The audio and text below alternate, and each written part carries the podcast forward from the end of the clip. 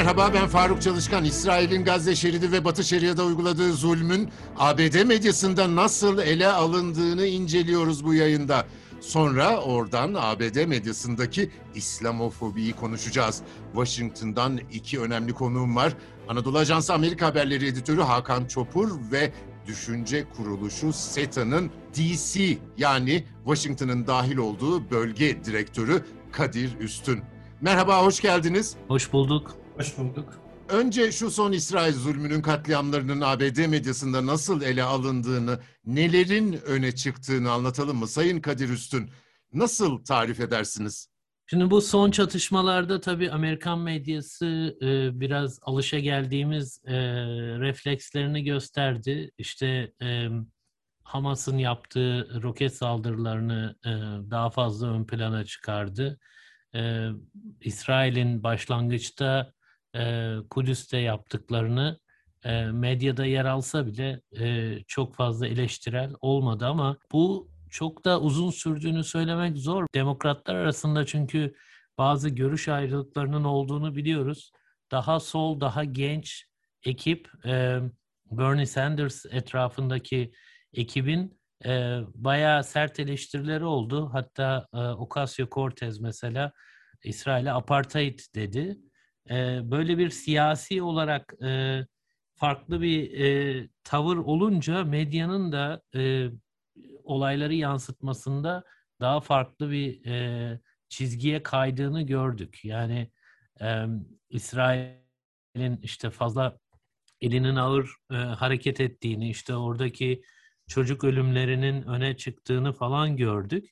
Genelde hani İsrail yanlısı bir e, yayın çizgisi birçok e, kanalda devam etti. Ancak e, Amerika içerisindeki siyasi e, farklılaşmalar itibariyle e, İsrail'in eleştirildiğini veya eleştirilerin dozunun e, sesinin yükseldiğini gördük. Biraz e, farklı bir durum vardı bu son çatışmalarda.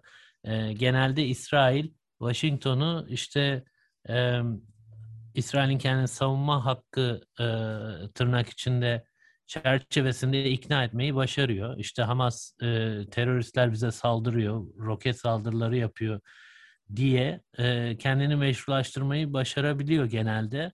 Ama bu sefer pek öyle olmadı gibi geliyor bana. Biz geçen hafta bazı kongre üyesi ve senatörlerin Hakan Çopur'la e, değerlendirmiştik. Farklı bir iklim oluştu Amerika'da. Bu da herhalde e, çok daha farklı e, figürlerin e, kongreye, siyaset sahnesine katılmasıyla başladı ve onlar da gayet cüretkar bir şekilde İsrail'i suçluyorlar. E, bizim o e, değerlendirmemiz konusunda sizin katkınız ne olabilir? Bu bir süreci başlattı diyebilir miyiz kamuoyundaki algıların değişmesi açısından? Şimdi Amerika içerisinde epeydir e, alttan alta bir savaş karşıtlığı akımı var. Biliyorsunuz Irak-Afganistan savaşlarından hüsranla çıktı e, Amerika. Irak'tan tam çıkabilmiş değil. Buna karşı tepkili bir nesil var. Bu neslin ürettiği hem sağda aslında yani Trump'ın da e, anti anti savaş savaş karşıtı söylemine baktığınız zaman bu sağda da yankı bulan bir tarafı var bu işin. Solda da epeydir e, Pentagon bütçesinin küçültülmesi, işte savaşlardan çekilinmesi, dış müdahaleye karşıtlık böyle e, güçlü akımlar var. Dolayısıyla klasik Amerikan dış politikasında hani İsrail bizim işte e, sonuna kadar destekleyeceğimiz bir müttefiktir şeklindeki yaklaşımın aşındığını görüyoruz. Bir de tabii Netanyahu e, Cumhuriyetçiler arasında Trump'a çok fazla yanaştı. Bu şekilde e, daha eskiden devam eden hem Cumhuriyetçi hem Demokratlardan aldığı desteği e, Cumhuriyetçilere indirgemiş oldu demokratların e, demokratları yabancılaştırdı kendine. Son özellikle son dört senede Trump'a yakınlığı itibariyle. Dolayısıyla e, birçok şey sorgulanıyor. Onu söylemek mümkün. Bu e, yeni neslin tabii Amerika'nın İsrail politikasını değiştirmesi çok zor. Onun hani kalıcı şeyleri var, ana hatları var, ana direkleri var. Onu değiştirmesi zor. Ancak İsrail'in medyada çok daha rahat, siyasiler arasında çok daha rahat eleştirilebildiği bir noktadayız. Amerika, hani dünya açısından bu çok ileri bir şey değil tabii ki. Hani Avrupa, Türkiye, Orta Doğu'da geçmişte çok sert eleştirilebiliyor İsrail. Amerika'da bu pek böyle değildi. Bunun e, aşınıyor olması e, önemli bir gelişme olarak kayda değer bence ve tabii mesele Kudüs olunca bütün dünya için, Müslümanlar için, Amerikan Müslümanları için de çok farklı bir e, anlamı var bu işin. E, şimdi aşınıyor diyoruz ama şimdi Hakan Çopur'a geçeceğim. E, aşınsa da biz bir şeylerden mutlu oluyoruz. Aykırı görüşler az da olsa bir yer buldu. Bundan mutlu oluyoruz ya da bir şeyleri başlattığına inanıyoruz. Ama medyasında Amerika'nın, ekonomisinde, kültür sanat dünyasında İsrail taraftarlığı baskın. Bunu bir teslim edelim ve bu da epey böyle devam edecek. Bunun arka planında Hakan hangi faktörler olduğunu düşünüyorsun? Tabii aslında bu e, sadece bugün ilişkin bir soru değil. Yani ABD'de genel olarak ABD e, siyasetinde, ekonomisinde ve doğal olarak işte medyasında Yahudiler e, ve işte ülke olarak eğer zikredeceksek İsrail neden bu kadar etkili sorusun tabii ki tarihi bir arka planı var. Şimdi yani bu programın konusu değil ama sonuçta bu arka planı az çok bilen herkes ABD'de neden e, siyasette karar alıcıların İsrail'i her zaman hani e, her şeyin en üstüne koyduğunu aslında farkında. E, bu son 70-80 yıldır hani ABD'nin dış politikasındaki en önemli başlıklardan bir tanesi Orta Doğu'daki en önemli başlık. Bu bakımdan e, ABD için İsrail'in güvenliği demek dış politikadaki Orta Doğu'daki en önemli başlığı. Bunun doğal olarak e, medyada ve Amerikan kamuoyunda da bir yansıması var. O yüzden aslında az önce Kadir Bey'in ifade ettiği gibi yani biz son dönemle kadar Amerikan medyasında İsrail'in bir takım eylemlerinin bu kadar sorgulandığını görmemiştik. Hani çok ciddi bir sorgulama yok gerçi ama hani aykırı seslerin en azından gündeme getirdiği, gündeme taşıdığı ve İsrail'in işte mesela neden 60 çocuk orada e, İsrail saldırılarında öldürüldü, neden Şehir Cerrah'taki insanlar ellerinden bu şekilde çıkarılıyorlar gibi bu argümanların medyada tartışıldığını e, gözlemledik. Ve hatta işte bazı e, hepimizin tanıdığı önemli isimler, medyadaki önemli isimler çıkıp e, yani neden e, İsrail şu durumda ateşkesten kaçıyor, Biden yönetimi neden bastırmıyor şeklinde bu eleştirini dile getirdiler. Dolayısıyla hani ABD siyaseti içinde, Amerikan medyası içinde e, İsrail konusu ve hani bir tık üstünde e, işte Yahudiler konusu, Yahudilerin etkisi diyelim ve belki onun da bir tık üstünde antisemitizm konusu bunlar kırmızı çizgiler. E, tabii ki bu hani İsrail eleştirmekle antisemitizmi kay, kayıp kaymamak arasındaki çizgi biraz flu olduğu için ve bazı insanlar baktıkları yerden hani kardeşim bu İsrail eleştirisi değil artık bu antisemitizm oldu diye bunu bir anlamda etiketleyebildikleri için bu biraz kritik bir ve hassas bir konu. Hatta e, hani bu işte e, progresif demokrat e, vekillerin e, ya da Sanders'ın bazı açıklamaları bile bazı çevrelerde bu adam İsrail eleştirmiyor, bu adam aslında antisemitizm yapıyor şeklinde e, tepki karşı tepki de görmüştü. Bu bakımdan ABD siyaseti içinde ABD Kongresi üstünde neden İsrail'in ve toplamda da neden Yahudilerin bu kadar etkisi varsa bunun aslında doğal uzantısı olarak Amerikan medyasında İsrail konusu, İsrail'in güvenliği konusu, işte ne bileyim Hamas konusu e, ve bir tık ötesinde dediğim gibi antisemitizm konusu her zaman kırmızı çizgiydi. E, ve bugüne kadar aslında bu çizgiler çok daha kalındı. Bugün birazcık bu çizginin e, en azından belli kişiler tarafından eleştirilebildiğini, sorgulanabildiğini görüyoruz. E, ama tabii ki ABD'nin sonuçta İsrail yönelik siyasetinin yani kısa vadede hatta orta vadede değişmesi pek mümkün değil. E, bunun medyada, Amerikan medyası, Amerikan kamuoyunda e, nereye kadar hani eleştirilebilir olacağını ise zaman gösterecek. Çünkü demokratlar içerisinde bu işte progresif demokratlarla yani İsrail eleştiren kesimle e, İsrail'in tamamen yanında duran kesimler arasındaki biraz siyaset ve güç mücadelesi de buna yön verecektir diye düşünüyorum. Kadir Bey, ABD medyasındaki İslamofobiye buradan geçmek istiyorum. Filistin'e bakıştaki gibi bir değişim, iyiye doğru değişim görebiliyor muyuz? Şimdi İslamofobi Avrupa'daki İslamofobiden çok daha farklı Amerika'da. Amerika'nın e, İslam hafızasında yani bu Irak-Afganistan savaşları, 11 Eylül bunlarla şekillenen bir e, özellikle Irak'ta yaşanan e, e, ayaklanma, El-Kaide, IŞİD vesaire bunlar üzerinden şekillenen bir İslamofobi var. E, ve yani çok daha cahil diyelim. E, çünkü Avrupa'da biliyorsunuz hani kim Faslı, kim Türk falan bu ayrımları bilirler. Amerikalılar hala pek e, bu konuda çok uzman sayılmazlar açıkçası.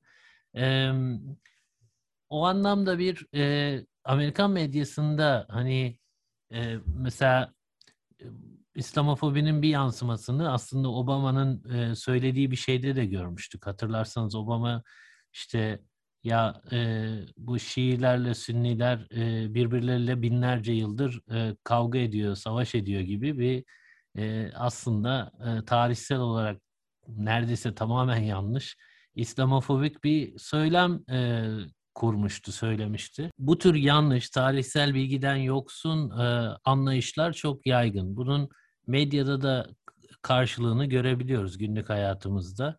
İşte e, dünyanın bu kısmında bu işler böyle oluyor gibi mesela ifadeler olur. İşte e, o yüzden Amerika'daki İslamofobi Avrupa'dakinden daha farklı olsa da e, birçok e, ana öğesinin e, barındığını söylemek mümkün.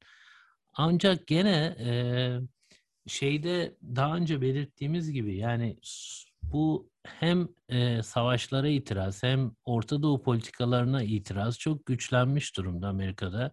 Artık bölgeye girmek istemiyor. Bölgeden savaşlara girmek istemeyen bir halk var. E, bunun e, bir parçası olarak da e, İslam'la ilgili e, işte bölgeyle ilgili e, üstün körü e, cahilce şeylere, ifadelere, e, tartışmalara itiraz edildiğini sıkça görebiliyoruz aslında. Yani bunların çok eskisi gibi e, kolay kabullenildiğini düşünmüyorum ben. Amerika'daki İslamofobinin belli bir düzeyde var olduğunu söylemek mümkün. Ama buna karşı itiraz eden Amerikan Müslüman toplumunun mesela son senelerdeki çabaları, e, Amerika'nın kendi içindeki bazı e, olaylar, e, mesela şiddet olaylarına e, çıkıp karşı çıktılar Müslümanlar. İşte sinagogların, sinagoglara yapılan saldırılar oldu beyaz ırkçılar tarafından. Onlara karşı ciddi bir duruş sergileyebildi Müslümanlar. Dolayısıyla Müslümanların e, bu ülkede daha fazla seslerinin çıkması, daha fazla siyasete katılmaları sebebiyle ben bunun olumlu bir etkisi olduğunu, İslamofobide bir azalma olduğunu, Müslüman milletvekillerinin de bunda katkısı var biliyorsunuz. İlhan Omar gibi. Bunlar da öne çıkıyor. Dolayısıyla burada da aslında hani geçmişte İsrail'in, İsrail'in politikalarına çok işine yarayan o İslamofobik anlayışlarda da ciddi aşınma olduğunu görüyorum. Her şey güllük gülistanlık değil tabii ki ama e, işler eskisi gibi hani e, Netanyahu çizgisindeki İsraillilerin istediği çizgide olduğunu düşünmüyorum ben. İslamofobi derken bir inancı kalıplaştırmak ve genelleştirmekten esasen bahsediyoruz ve bunu bir kötüleştirici ifade tarzı söylemden bahsediyoruz. Kadir Bey, İslamofobi dediğimizde bu sadece medyayla da sınırlı değil aslında kültür ve sanatta e, Trump döneminde bazı Müslüman devletlerin vatandaşlarının e, ülkeye girişlerine getirilen yasakta yani sadece medyadan ibaret değil değil mi? Elbette elbette kesinlikle. E, hatta medyada bakıyorsunuz e, Musevi vatandaşları, Musevi gazetecilerin İsrail ile ilgili çok daha eleştirel olduğunu görebiliyorsunuz. Yani Orta Doğu'yu daha fazla ilgisi olan, daha iyi bilen birçok e, Musevi aydın, e, entelektüel öne çıkan isim var. E, bunlar e, şey yapabiliyorlar. Yani aslında İslamofobiyle mücadele eden bile e, isimler var. E, burada hani hep e, klasik e, Netanyahu'ya yakın İsrail lobisi bilinir ama bir sol İsrail lobisi de var. Hani barış isteyen vesaire. Bunların da e, ulusal e, tartışmalarda bir katkısı var. O yüzden e, bu tabii ki medyanın o ele alış biçimi e, sorunlu, genelde sorunlu. İslam'a bakışı, bölgeye bakışı e, sorunlu. Bunu tartışabiliriz. Çok fazla örneği var ama e, bunun karşıtı fikirlerin de, karşıtı akımların da son zamanlarda güçlendiğini e, söylemek mümkün. Tabii siyasetçilerin e, özellikle Trump döneminde e, çok zirveye çıkan bir İslam karşıtı söylem var e, biliyorsunuz. Bu tabii e, başka dinamiklerle de açıklamak mümkün. Sadece İslam'la ilgili bir şeyden ziyade Trump'ın e, bir dış öcü gösterme, dış düşman gösterip mesela Çin gibi, Meksika gibi, Müslümanlar gibi öcü gösterip bunun üzerinden siyaset yapma politikası vardı.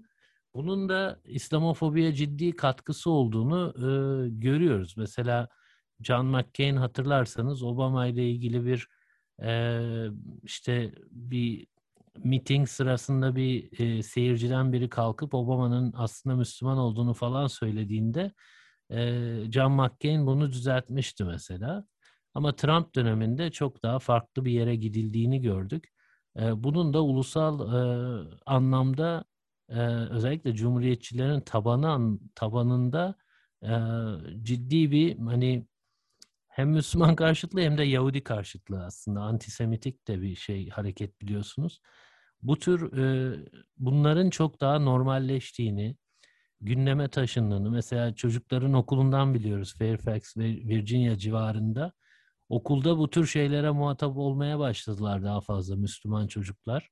Ee, ırkçı söylemlere, İslamofobik söylemlere, arkadaşlarından yani çok küçük çocuklar birbirlerine bu tür şeyler söyleyebiliyorlar, hakaret edebiliyorlar. Bunu yaşadık yani fiilen.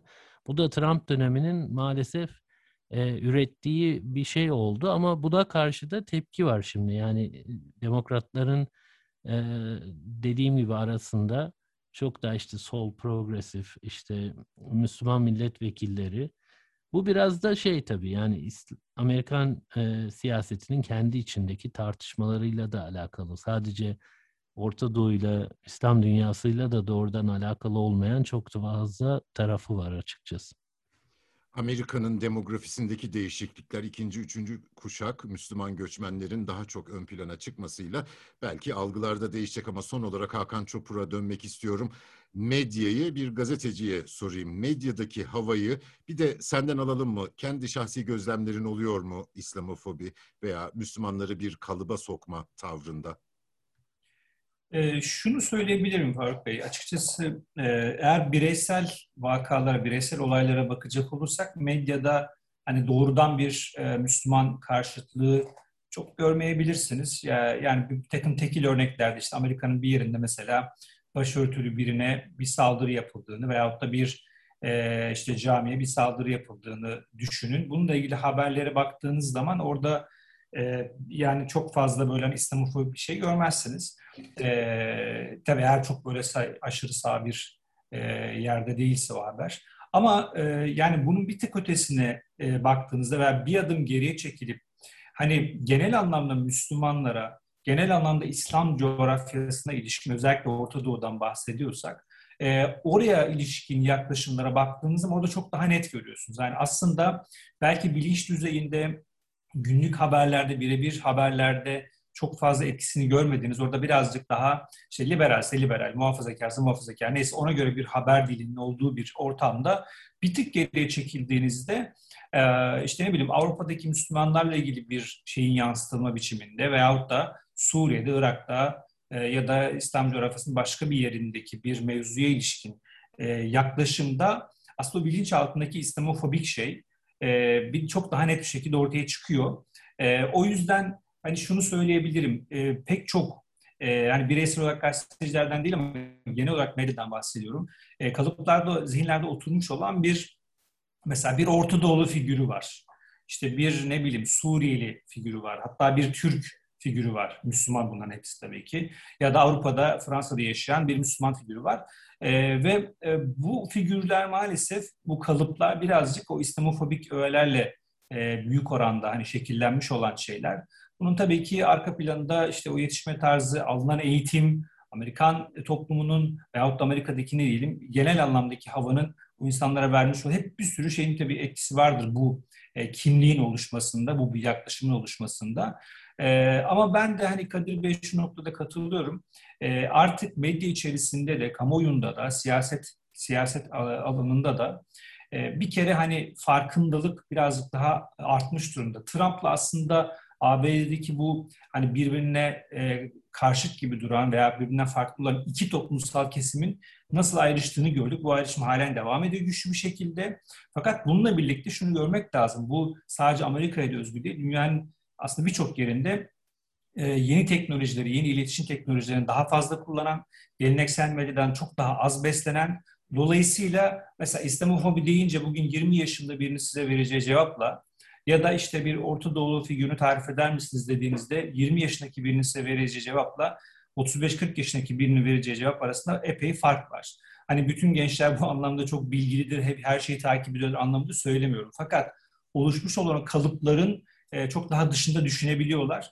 E, bunun da aslında işte Amerika'da bu e, ne diyelim birazcık sadece İslam'la ilgili yani e, İslam karşıtlığının karşıtlığı, işte antisemitizmin karşıtlığı ya da dinsel tercihlerle ilgili şeylerin de karşıtlığı noktasında birazcık hak arayışıyla e, bütünleşen bir şeye devrilmiş durumda. İşte özellikle bu e, Black Lives Matter e, yani George Floyd olayından sonra mesela bu farkındalığın biraz daha arttığını ve bunun bu son Filistin'e destek gösterilerine net bir şekilde sahaya yansıdığını mesela biz gözlemledik. Yani orada sahaya çıkan, Filistin'e destek veren, İsrail eleştiren kişilerin yarısı diyelim ki Filistinli ya da farklı Arap işte kökenli insanlarsa kalan yarısı beyaz Amerikalı, siyahiler ya da farklı toplumsal kesimlere mensup insanlar. Çünkü onlar da Filistin meselesini bir yönde bir hak arayışı olarak değerlendiriyorlar. Bu bakımdan Amerikan medyasında dediğim gibi benim şahsi kanaatim birebir baktığınızda çok fazla hissetmediğiniz ama e, biraz daha bu e, Müslüman kimliğine ilişkin yaklaşımları bir tık geriden gözlemlediğiniz zaman halen e, devam eden e, bir İslamofobik yaklaşım var. E, ama bu ben de hani zaman içerisinde bunun evrildiğini düşünüyorum açıkçası. Washington'dan Hakan Çopur ve Kadir Üstün'e katkılarından dolayı çok teşekkür ediyorum. Bizi hangi mecrada dinliyorsanız orada abone olmayı unutmayın lütfen. Hoşçakalın.